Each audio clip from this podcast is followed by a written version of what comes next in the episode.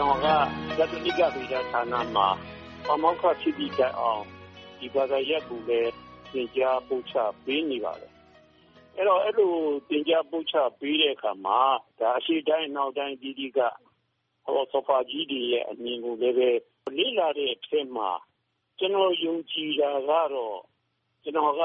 ဗုဒ္ဓဘာသာဝင်တယောက် ဖြစ်တဲ့အတိုင်း မြတ်ဗုဒ္ဓရဲ့ တရားတွေကို အထူးပဲ ယုံကြည်ပါတယ်။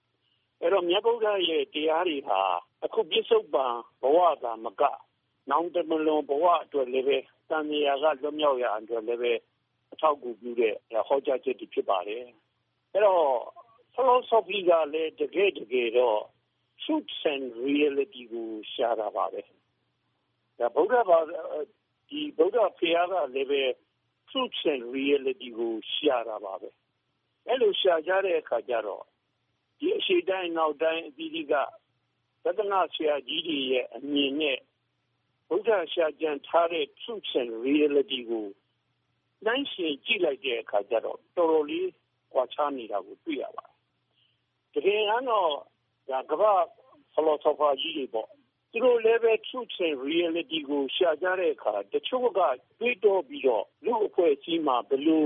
နေကြရင်ကောင်းမလဲဆိုတဲ့ကိုယ်ကျင့်တရားစံတွေကိုရှာကြတာပါပဲ။အဲဒီလိုရှာတဲ့အခါကြတော့ Rationalist တွေ Empiricist တွေရဲ့အမြင်တွေပေါ်ပေါက်လာတယ်ပေါ့နော်။အဲဒီတော့ဗုဒ္ဓကတော့တွေးတောကြံဆရုံတင်မကသူကိုယ်တိုင်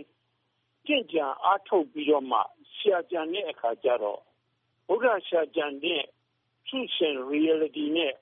ကိုယ်ကျင့်တရားအမြင်တွေဟာ သဒ္ဒနာဆရာကြီးတွေရှာကြံတဲ့ကိုယ်ကျင့်တရားအမြင်တွေဟာအတော်ကိုပဲကွာခြားသွားပါတယ်။ဗုဒ္ဓကတော့ကိုယ်ကိုယ်တိုင်ကျင့်ကြံအားထုတ်ပြီးတော့မှရှာကြံတဲ့အမြင်တွေဖြစ်နေတော့ဒါအဖြေချင်းကတော့တော်တော်ကွာတယ်။အကြောင်းမို့ကျနော်တို့ရဲ့ဆရာဆရာကြီးဖြစ်တဲ့ဒေါက်တာခင်မောင်ဝင်းကဘယ်လိုတောင်မှပြောသွားလဲဆိုလို့ရှိရင်ဒီဗုဒ္ဓဇင်ဟာတကယ်တကယ်တော့ philosophy ရဲ့ encyclopedia กว่าအကုန်လုံးဒီဗုဒ္ဓရဲ့ဟောကြားချက်ထဲမှာရှိတယ်အဲ့တော့ဆရာကြီးပြောသွားတဲ့အချက်တွေကျွန်တော်လည်းလေ့လာကြည့်မှန်းနေတာတွေ့တယ်အရှိတိုင်းနောက်တိုင်းဒီဒီကကြာကြတယ်ကိုချင်းတရားစံတွေကိုရှာကြတဲ့အခါကျတော့ကျွန်တော်တို့အားလုံးကဘယ်မှာသွားသွားဆုံးလဲဆိုလို့ရှိရင်ဘုရားရှင်နဲ့မှာပဲသွားသွားပြီးတော့ဆုံးပါတယ်ဒါကြောင့်မို့ကျွန်တော် ဘုရားရဲ့ဟောကြားချက်တွေဟာအခုပြစ္ဆုတ်ပံအတွက်သားလဲမကပဲနဲ့ဒါတန်မြာလွတ်မြောက်တော့ကျင်းမှာပြုပါတယ်အဲ့တော့တန်မြာလွတ်မြောက်ဖို့ဆိုတာတော့ဒါ religion ပေါ့နော်ဘာသာရေးပေါ့အခုပြစ္ဆုတ်ပံဘဝမှာပဲလူတွေရဲ့နေထိုင်မှုလာမှုစီးပွားရေးလုပ်ကိုင်ဆောင်ရွက်မှုတွေမှာဒါအထောက်အကူပြုပါတယ်လိမ္မာအောင်တုံတင်ဆုံးမထားတဲ့ ဒီတီလည်းဖြစ်ပါတယ်တန်ဖိုးရှိတဲ့အဲဆုံးမချက်တွေလည်းဖြစ်ပါတယ်ဒါကြောင့်မို့ကျွန်တော်ဗုဒ္ဓရဲ့ဟောကြားချက်ထဲကနေ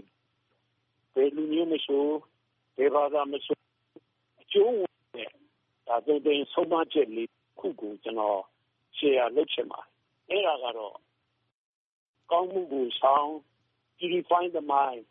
ဖြူအောင်စိတ်ကိုထားဆိုတာကတော့ အကုန်လုံးနဲ့တင့်တော်တဲ့ဒါနိဆုံးမချက်လေး ဖြစ်တယ်တမိုးရှိတဲ့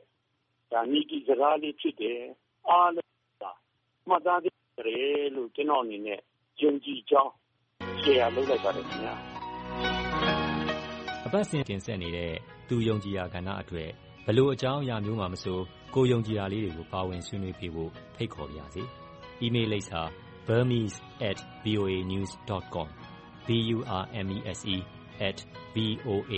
n e w s .com ကိုစာရေးပြီးဆက်သွယ်ရမယ့် တယ်လီဖုန်းနံပါတ်ကို အကြောင်းကြားလိုက်ပါခင်ဗျာ ကျွန်တော် ပြန်ဆက်သွယ်ပါမယ်။